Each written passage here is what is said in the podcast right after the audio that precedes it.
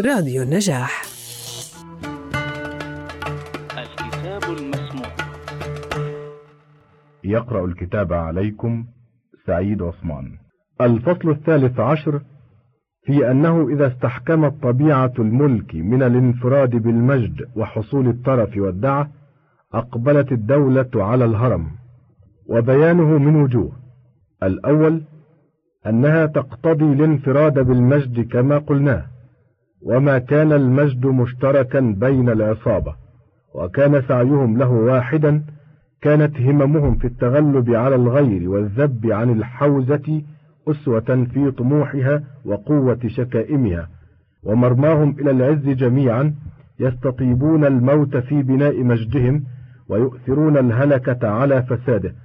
وإذا انفرد الواحد منهم بالمجد قرع عصبيتهم وكبح من أعنتهم واستأثر بالأموال دونهم فتكاسلوا عن الغزو وفشل ريحهم ورئموا المذلة والاستعباد ثم ربي الجيل الثاني بينهم على ذلك يحسبون ما ينالهم من العطاء أجرا من السلطان لهم عن الحماية والمعونة لا يجري في عقولهم سواه وقل أن يستأجر أحد نفسه على الموت فيصير ذلك وهنا في الدولة وخضضا من الشوكة وتقبل به على مناح الضعف والهرم لفساد العصبية بذهاب البأس من أهلها.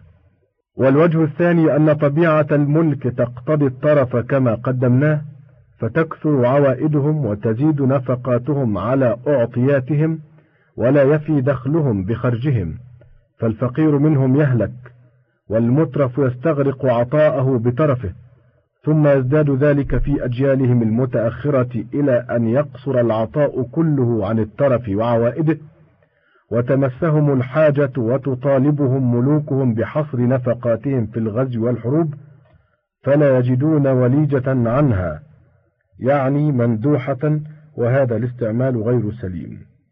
فلا يجدون وليجة عنها فيوقعون بهم العقوبات وينتزعون ما في أيدي الكثير منهم يستأثرون به عليهم أو يؤثرون به أبناءهم وصنائع دولتهم فيضعفونهم لذلك عن إقامة أحوالهم ويضعف صاحب الدولة بضعفهم. وأيضا إذا كثر الترف في الدولة وصار عطاؤهم مقصرا عن حاجاتهم ونفقاتهم احتاج صاحب الدولة الذي هو السلطان إلى الزيادة في أعطياتهم حتى يسد خللهم ويزيح عللهم. والجباية مقدارها معلوم ولا تزيد ولا تنقص. وإن زادت بما يستحدث المكوث فيصير مقدارها بعد الزيادة محدودا. فإذا وزعت الجباية على الأعطيات وقد حدثت فيها الزيادة لكل واحد بما حدث من ترفهم وكثرة نفقاتهم نقص عدد الحامية حينئذ عما كان قبل زيادة الأعطيات. ثم يعظم الطرف وتكثر مقادير الأعطيات لذلك فينقص عدد الحامية. وثالثا ورابعا إلى أن يعود العسكر إلى أقل الأعداد فتضعف الحماية لذلك وتسقط قوة الدولة ويتجاثر عليها من يجاورها من الدول أو من هو تحت يديها من القبائل والعصائب. ويأذن الله فيها بالفناء الذي كتبه على خليقته. وأيضا فالترف مفسد للخلق بما يحصل في النفس من ألوان الشر والسفسفة وعوائدها كما يأتي في فصل الحضارة. فتذهب منهم خلال الخير التي كانت علامة على الملك ودليلا عليه ويتصفون بما يناقضها من خلال الشر فيكون علامة على الإدبار والانقراض بما جعل الله من ذلك في خليقته وتأخذ الدولة مبادئ العطب وتتضعضع أحوالها وتنزل بها أمراض مزمنة من الهرم إلى أن يقضى عليها. الوجه الثالث أن طبيعة الملك تقتضي الدعة كما ذكرناه. وإذا اتخذوا الدعة والراحة مألفا وخلقا صار لهم ذلك طبيعة وجبلة شأن العوائد كلها وإيلافها. فتربى أجيالهم الحادثة في غضارة العيش ومهاد الترف والدعة وينقلب خلق التوحش وينسون عوائد البداوة التي كان بها الملك من شدة البأس وتعود الافتراس وركوب البيداء وهداية القفر. فلا يفرق بينهم وبين السوقة من الحضر إلا في الثقافة والشارة فتضعف حمايتهم ويذهب بأسهم وتنخضض شوكتهم ويعود وبال ذلك على الدولة بما تلبس من ثياب الهرم. ثم لا يزالون بعوائد الترف والحضارة والسكون والدعة ورقة الحاشية في جميع أحوالهم وينغمسون فيها وهم في ذلك يبعدون عن البداوة والخشونة وينسلخون عنها شيئا فشيئا وينسون خلق البسالة التي كانت بها الحماية والمدافعة حتى يعودوا عيالا على حامية أخرى إن كانت لهم. واعتبر ذلك في الدول التي أخبارها في الصحف لديك. تجد ما قلته لك من ذلك صحيحا من غير ريبة. وربما يحدث في الدولة إذا طرقها هذا الهرم بالترف والراحة أن يتخير صاحب الدولة أنصارا وشيعة من غير جلدتهم ممن تعود الخشونة فيتخذهم جندا يكون أصبر على الحرب وأقدر على معاناة الشدائد من الجوع والشرف. ويكون ذلك دواء للدولة من الهرم الذي عساه أن يطرقها حتى يأذن الله فيها بأمره. وهذا كما وقع في دولة الترك بالمشرق فإن غالب جندها الموالي من الترك فتتخير ملوكهم من أولئك المماليك المجلوبين إليهم فرسانا وجندا فيكونون أجرأ على الحرب وأصبر على الشظف من أبناء المماليك الذين كانوا قبلهم وربوا في ماء النعيم والسلطان وظله. وكذلك في دولة الموحدين بأفريقية.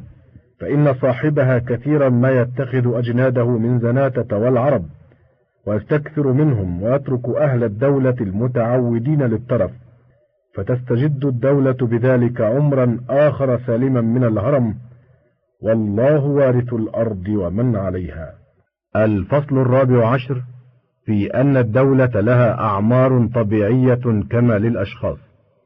اعلم أن العمر الطبيعي للأشخاص على ما زعم الأطباء والمنجمون مئة وعشرون سنة وهي العمر في كل جيل بحسب القرانات فيزيد عن هذا وينقص منه فتكون أعمار بعض أهل القرانات مئة تامة وبعضهم خمسين أو ثمانين أو سبعين على ما تقتضيه أدلة القرانات عند الناظرين فيها.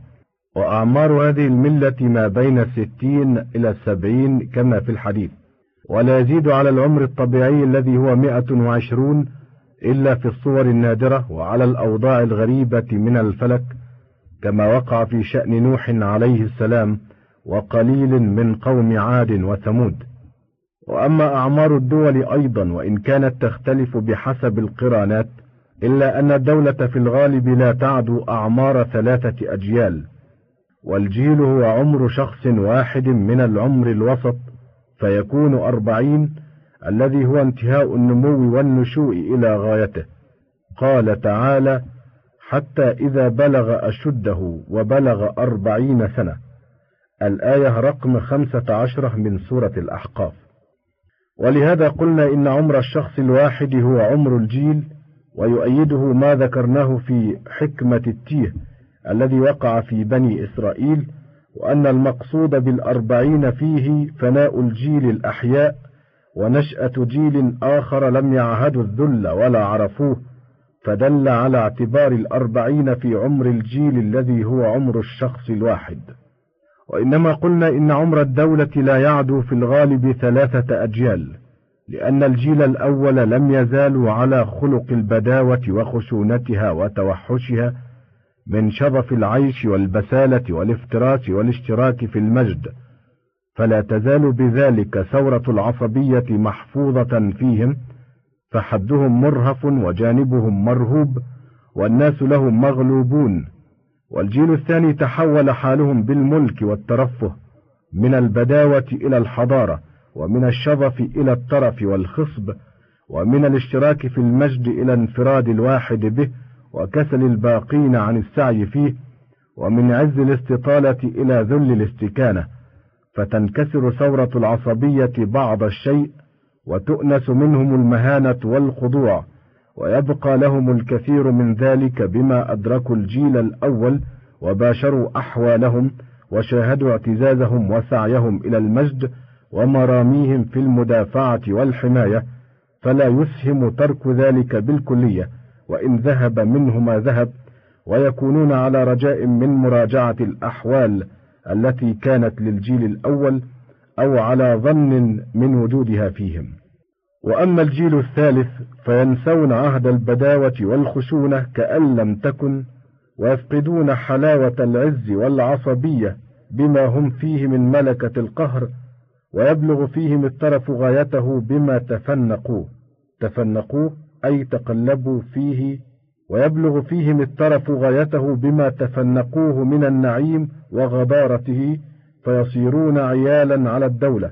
ومن جملة النساء والولدان المحتاجين للمدافعة عنهم وتسقط العصبية بالجملة وينسون الحماية والمدافعة والمطالبة ويلبسون على الناس في الشارة والزي ركوب الخيل وحسن الثقافة يموهون بها وهم في الأكثر أجبن من النسوان على ظهورها.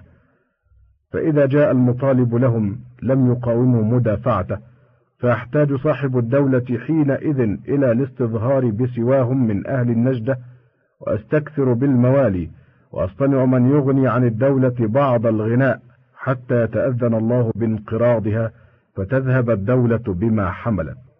فهذه كما تراه ثلاثة أجيال فيها. يكون هرم الدولة وتخلفها ولهذا كان انقراض الحسب في الجيل الرابع كما مر في أن المجد والحسب إنما هو أربعة آباء وقد أتيناك فيه ببرهان طبيعي كاف ظاهر مبني على ما مهدناه قبل من المقدمات فتأمله فلن تعدوا وجه الحق إن كنت من أهل الإنصاف.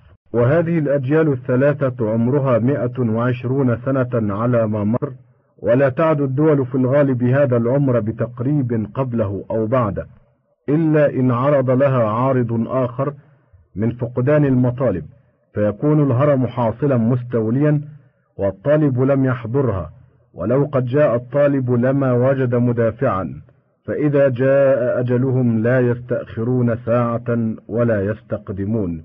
الآية الحادية والستون من سورة النحل. فهذا العمر للدولة بمثابة عمر الشخص من التزيد إلى سن الوقوف ثم إلى سن الرجوع. ولهذا يجري على ألسنة الناس في المشهور أن عمر الدولة مئة سنة.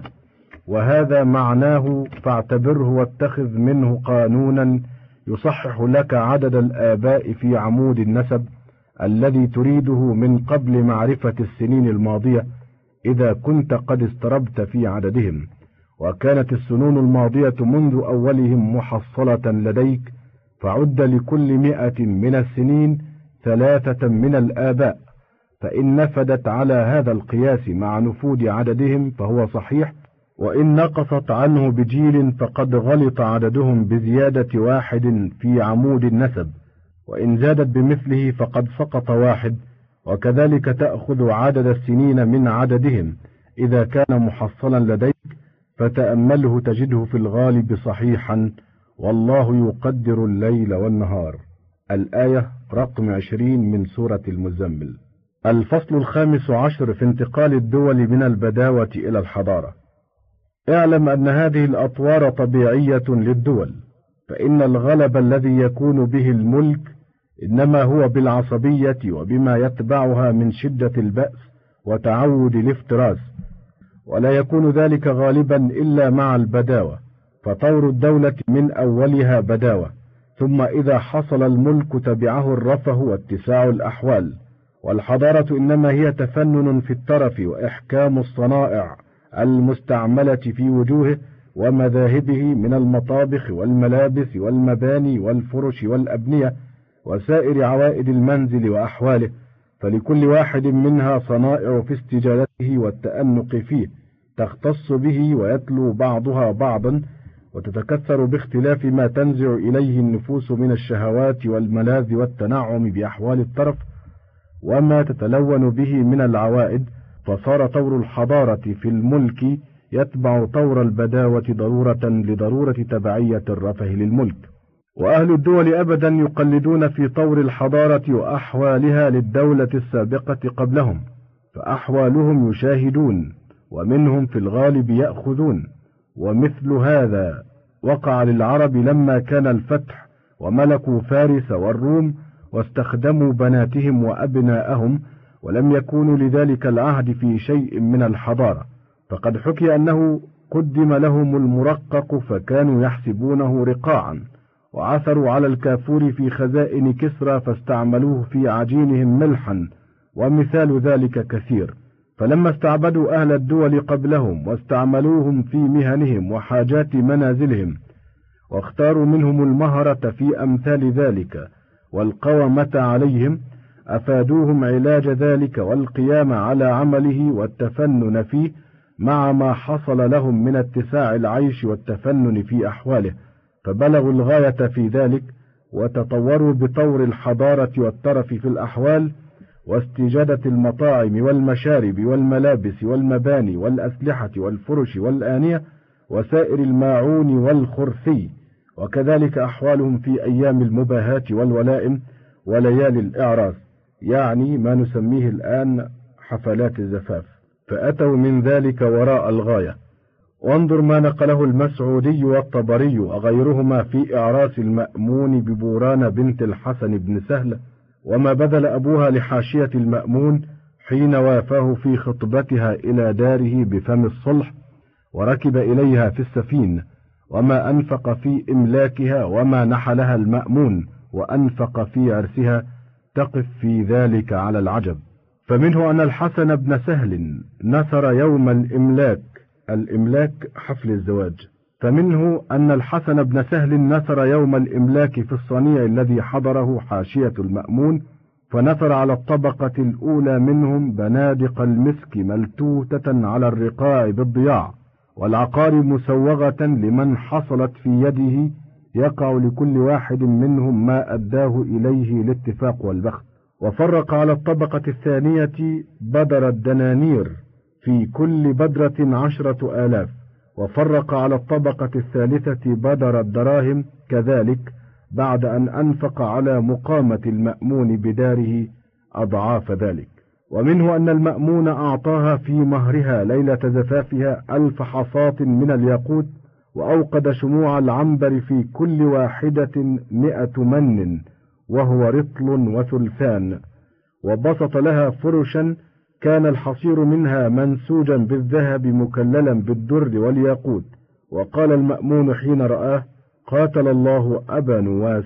كأنه أبصر هذا حيث يقول في صفة الخمر كأن صغرى وكبرى من فواقعها حصباء در على أرض من الذهب.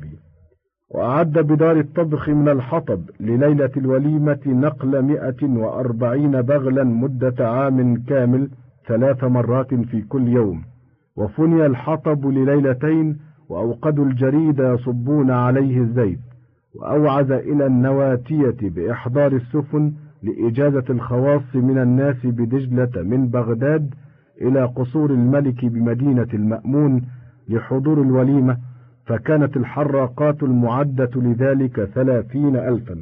الحراقات بالفتح جمع حراقة أي سفينة فيها مرامي نار يرمى بها العدو. فكانت الحراقات المعدة لذلك ثلاثين ألفا أجازوا الناس فيها أخريات نهارهم وكثير من هذا وأمثاله. وكذلك عرس المأمون بن ذي النون بطليطلة. نقله ابن بسام في كتاب الذخيرة وابن حيان بعد أن كانوا كلهم في الطور الأول من البداوة عاجزين عن ذلك جملة لفقدان أسبابه والقائمين على صنائعه في غضاضتهم وسذاجتهم. يذكر أن الحجاج أولم في اختتان بعض ولده فاستحضر بعض الدهاقين يسأله عن ولائم الفرس وقال أخبرني بأعظم صنيع شهدته. فقال له نعم أيها الأمير شهدت بعض مرازبة كسرى وقد صنع لأهل فارس صنيعا أحضر فيه صحاف الذهب على أخونة الفضة أربعا على كل واحد وتحمله أربع وصائف ويجلس عليه أربعة من الناس فإذا طعموا أتبعوا أربعتهم المائدة بصحافها ووصفائها. فقال الحجاج يا غلام انحر الجزر وأطعم الناس وعلم أنه لا يستقل بهذه الأبهة وكذلك كانت. ومن هذا الباب أعطية بني أمية وجوائزهم فإنما كان أكثرها الإبل أخذا بمذاهب العرب وبداوتهم ثم كانت الجوائز في دولة بني العباس والعبيديين من بعدهم ما علمت من أحمال المال وتخوت الثياب وإعداد الخيل بمراكبها وهكذا كان شأن كتامة مع الأغالبة بأفريقية وكذا بني طنج بمصر وشأن لمتونة مع ملوك الطوائف بالأندلس والموحدين وكذلك شأن زناتة مع الموحدين وهلم جرا. تنتقل الحضارة من الدول السالفة إلى الدول الخالفة فانتقلت حضارة الفرس للعرب بني أمية وبني العباس وانتقلت حضارة بني أمية بالأندلس إلى ملوك المغرب من الموحدين وزناتة لهذا العهد وانتقلت حضارة بني العباس إلى الديلم ثم إلى الترك ثم إلى السلجوقية ثم إلى الترك المماليك بمصر والتتر بالعراقين. وعلى قدر عظم الدولة يكون شأنها في الحضارة إذ أمور الحضارة من توابع الترف والترف من توابع الثروة والنعمة والثروة والنعمة من توابع الملك ومقدار ما يستولي عليه أهل الدولة. فعلى نسبة الملك يكون ذلك كله فاعتبره وتفهمه وتأمله تجده صحيحا في العمران والله وارث الأرض ومن عليها وهو خير الوارثين. قدمنا لكم من راديو النجاح برنامج الكتاب المسموع.